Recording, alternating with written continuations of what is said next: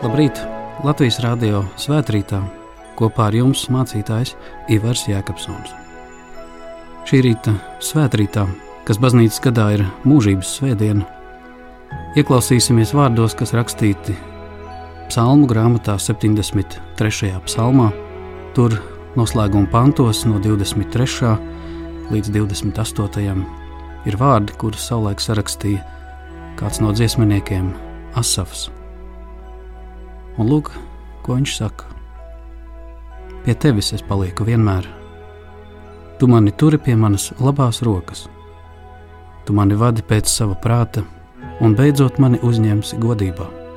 Kad tu esi mans, tad man nevajag ne debesis, ne zemes. Jebšu man arī pamirtu miesa un sirds, taču tu, Dievs, esi mans patvērums un mana daļa mūžīgi. Jo redzi, tie, kas neusticībā no tevis atstājas, iet bojā Tu izdeldē tos, kas no tevis atkāpjas, bet man paliek mans aplaimotājs dieva tuvums. Un man ir prieks savu cerību likt uz dievu to kungu, lai paustu visus tavus darbus. Āmen!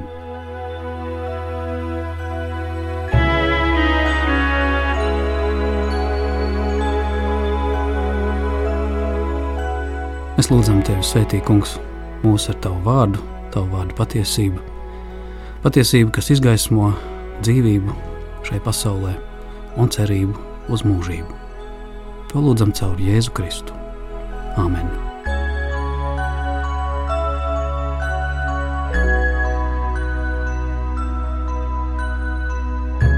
Šodien baznīcas gadā ir mūžības svētdiena, kas neparastā veidā ietērpjas nevis melnās, sērās, atskatoties uz aizgājušiem cilvēkiem, kuri ir miruši, bet baznīcas gads ietērpjas baltās drēbēs. Tā ir pateicība par to labo, kas ir bijis, par to, kas mūs ir veidojis un stiprinājis. Tas ir prieks par aizgājušiem cilvēkiem un par to, ka ar šīs dzīves kapa malu nekas nav beidzies. Mums ir cerība uz debesīm. Man šķiet, ka tas ir līdzīgi kā savulaik Pēters Ērmanis rakstīja par nāvi. Tu esi kā vakara saule, kas apspīd visu to labo ko mūžā darījis biju. Tu esi kā sniegs, kas apklāj tik balti un viegli to ļaunu, ko mūžā noziedzies biju.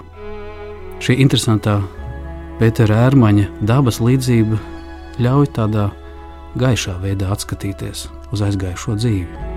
Arī mums katram uz kādu aizgājušo laika posmu, tāpat kā uz mūsu valsts noietiem gadiem, šajā svētku nedēļā esam ar pateicību, ar lepnumu raudzījušies aizvien pieaugot tādā veselīgā, svētīgā, dieva iedvestā patriotismā.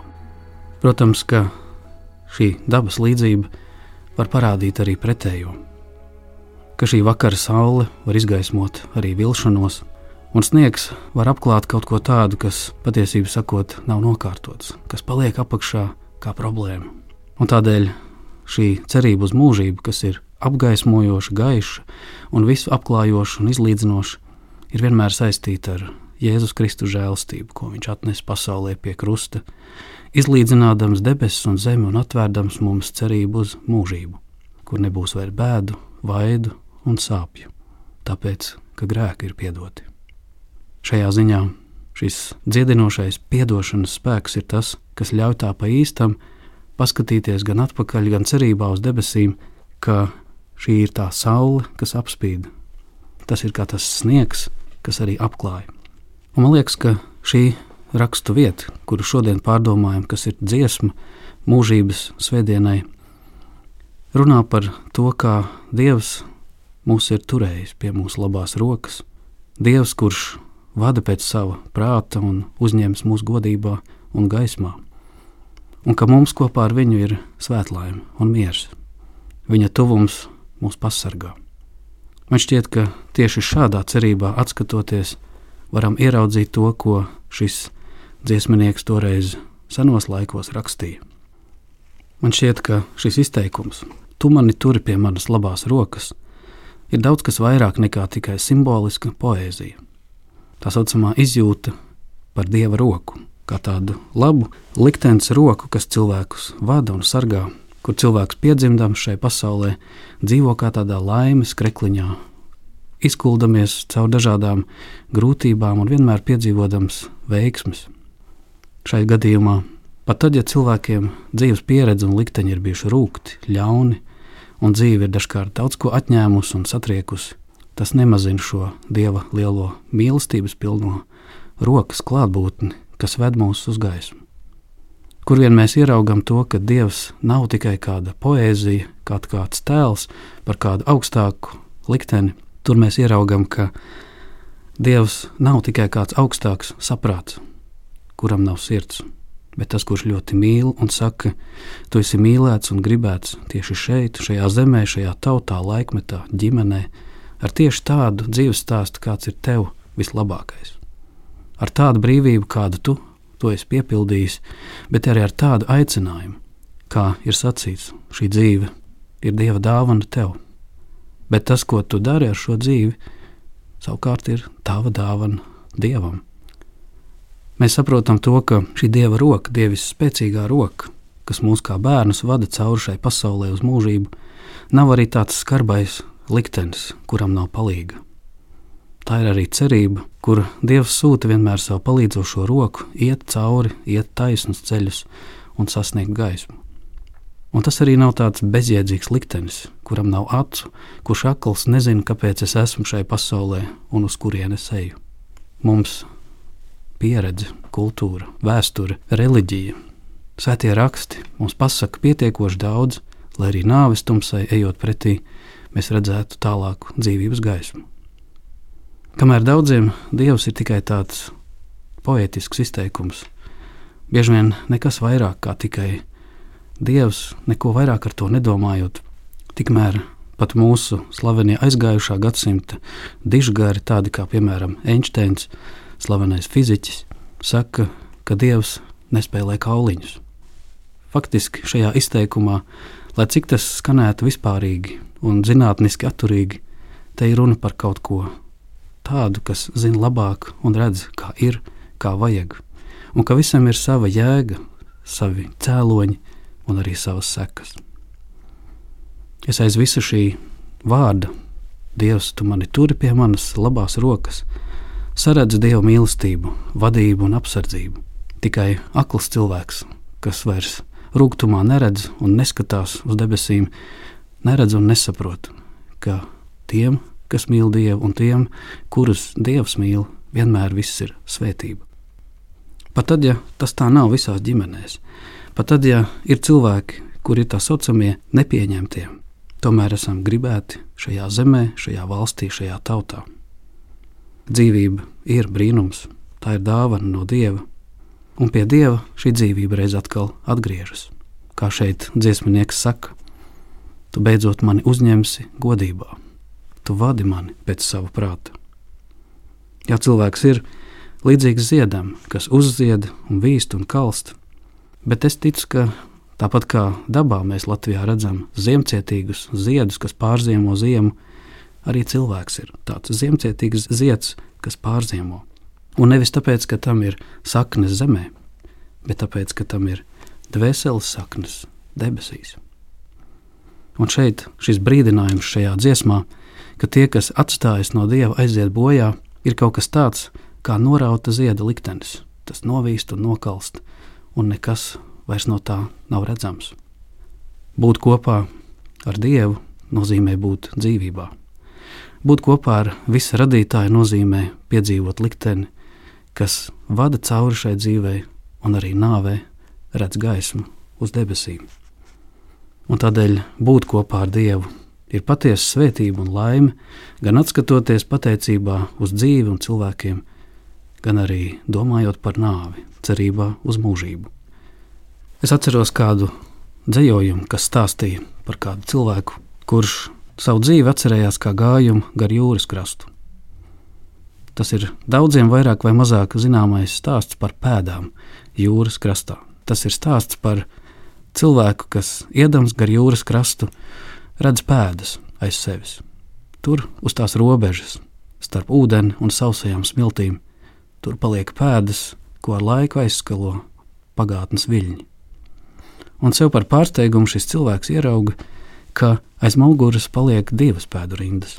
Tā daudz cilvēki iet cauri šai dzīvei, domādami, ka viņi ir vieni paši. Tomēr vienmēr ir bijis kāds, kas iet līdzās, vienalga, ko es par to domāju. Šis neredzamais Dievs uzrunā šo cilvēku no debesīm un saka: Mīļais bērns, es esmu vienmēr ar tevi.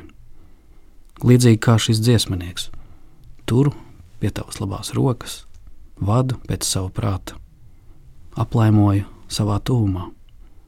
Bet tad šis cilvēks ierauga, ka tajos brīžos, kad dzīvē ir zaudējumi, ciešanas, bēdas, sitieni, pārbaudījumi, viņš ierauga to, ka zūd šīs vienas pēdas un paliek tikai viena pēdu rinda. Un šis lielais, nopietnais, smagais jautājums, skatoties uz aizgājušo dzīvi, ir pārmetums debesīm. Ak, Dievs, vai tiešām, kad man to visvairāk vajadzēja, tu mani atstāji vienu likteņa varā? Tā jau ir cilvēki dažkārt dzīvo uz savu galvu, un kad grib veidot likteni savu pašu ceļā, tad saka dievam, ja tā varētu teikt, netraucē, es pats. Bet tad, kad teiksim, tā savāra ziepes, piedzīvo ciešanas, sitienas un punus, pēc tam pārmet dievam, Dievs, kā tu to pieļāvi? Šī mazā atkāpe atgādina to, ka dažkārt raugoties atpakaļ uz savu dzīvi, mēs varam redzēt, ka dieva Tuvums ir zaudēts bieži vien tādēļ, kā raksti saka, grēki mūs attālina no viņa. Bet ne jau viņš ir mūs pametis, mēs tajos brīžos esam viņam pagriezuši muguru, ka to vairs neredzam un nejūtam. Bet šis stāsts patiesībā beidzas tā ļoti optimistiski. Dievs no debesīm saka šim bērnam: Mīļais bērns, es tevi mīlu, es tevi neatstāju, es esmu vienmēr ar tevi. Pat ja tēvs, māte tev zustu, es tevi neatstāšu. Un tajā brīdī Dievs skaidro šim cilvēkam, ka tu redzi tikai šīs vienas pēdas, kad šķiet, tu esi palicis viens pats savā bēdās. Šīs pēdas jau nemaz nav tavējās, bet manas, saka Dievs, jo tevi tajā brīdī es nesu savās rokās. Lūk, man šķiet, ka šis dzējojums ir līdzīgs šim senajam psalmista vārdiem, ko Asafs savulaik runāja par to: Tu mani turi pie manas labās rokas un vadi pēc savu prātu. Pat šķiet, ka, ja ceļš vairs nekur tālāk neved, viens kaps, viens zaudējums, viņš nes mūs savās rokās, pat tad, kad mūsu ceļš ir galā, pat tad, ja šķiet, esam palikuši vieni. Vēl vienmēr paliek kāds ar mums. Jā, šī raksta vieta arī mums mūžības svētdienā grib atgādināt un iepriecināt, ka mēs nekad neesam atstāti. Dieva mīlestība paliek pie mums pat tad, ja mūsu debesis ir apmākušās, Mēs varam atskatīties uz aizgājušo dzīvi ar gaismu, ar pateicību.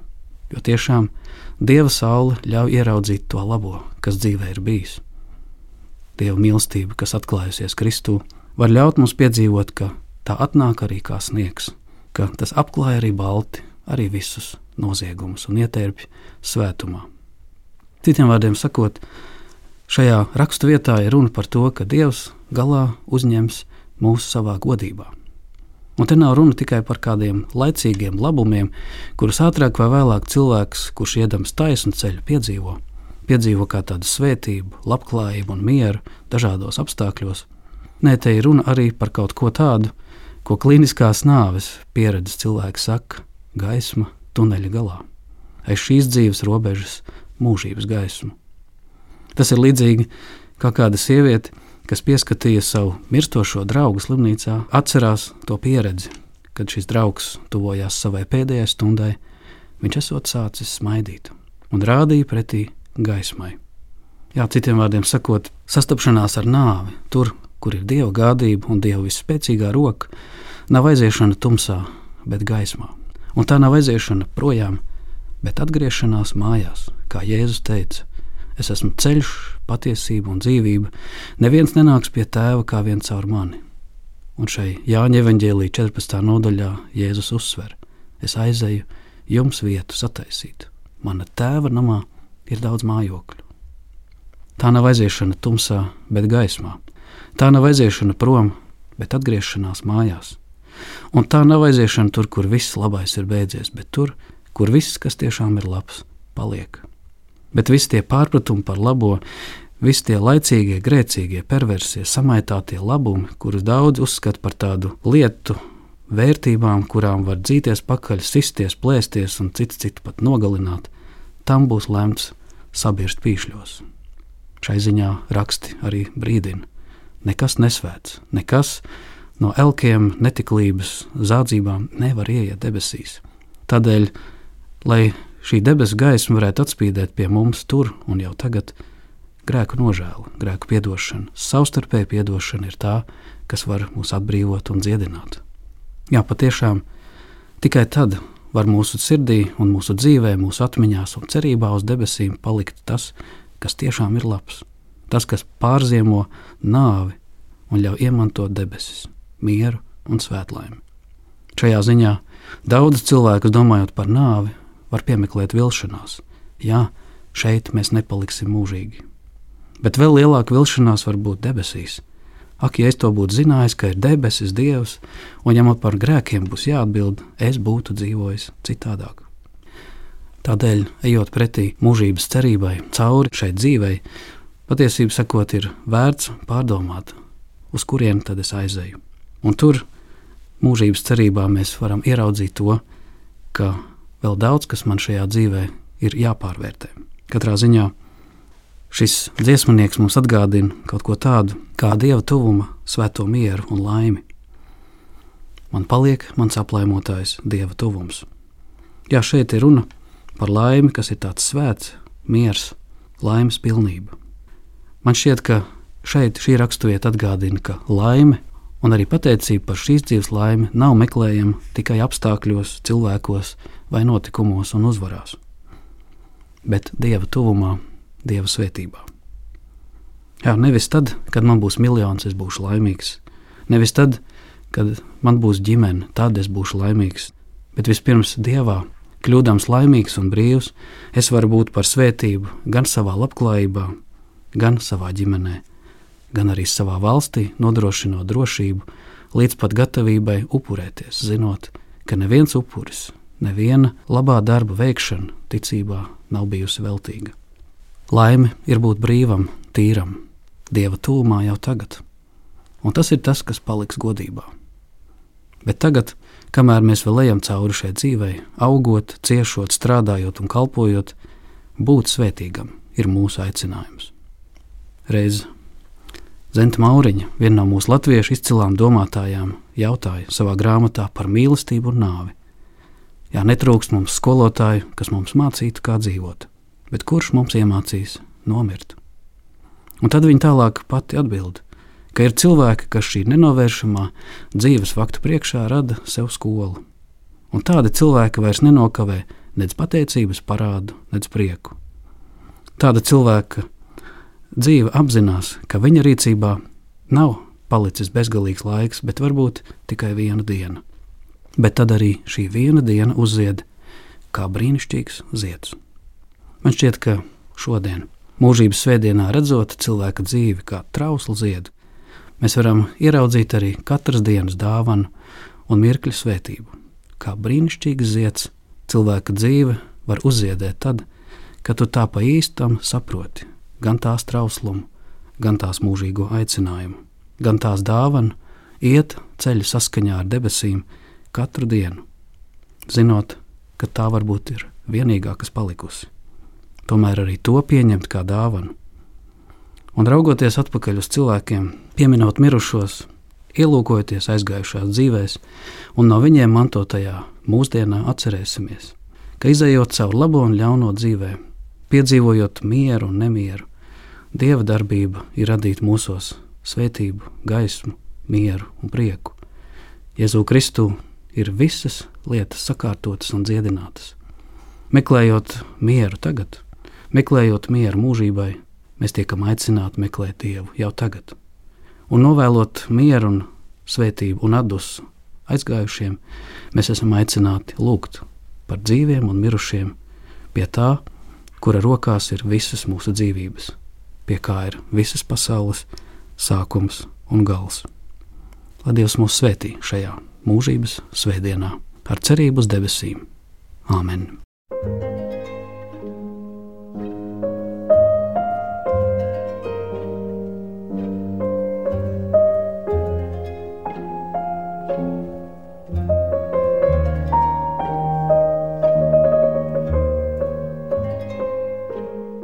Lūksim Dievu. Šī diena, kungs, mums māca mūsu galu un mūsu dienu mēru, cik nīcīgi esam. Cilvēka dienas tiešām ir plaukstas platumā, un mūžs ir niecīgs salīdzinot ar mūžību. Bet mums vēl atliek svēta atdusa. Svētīgi, ka arī mēs dzenamies ieiet tajā atdusā, ka neviens nepaliekam ārpusē. Kungs Jēzu, tu esi augšām celšanās un dzīvība. Mēs lūdzam dāvinu arī mums un ikvienam, par ko lūdzam, priecīgu augšām celšanos, ka tu uzņem mūsu mūžīgās tēva mājās, kā pieminot aizgājušos laikus un cilvēkus, varam pateikties par tiem laimes mirkļiem, kurā tu vienmēr esi bijis mums klātesošs. Un arī tagad, pārdomās par nāvi un cerībā uz mūžību, tu gribi mūs turēt pie mūsu rokas, vadīt pēc sava labā prāta un uzņemt godībā. To lūdzam caur tavu dēlu, Jēzu Kristu. Āmen! Studijā kopā ar jums bija mācītājs Ivars Jēkabsons.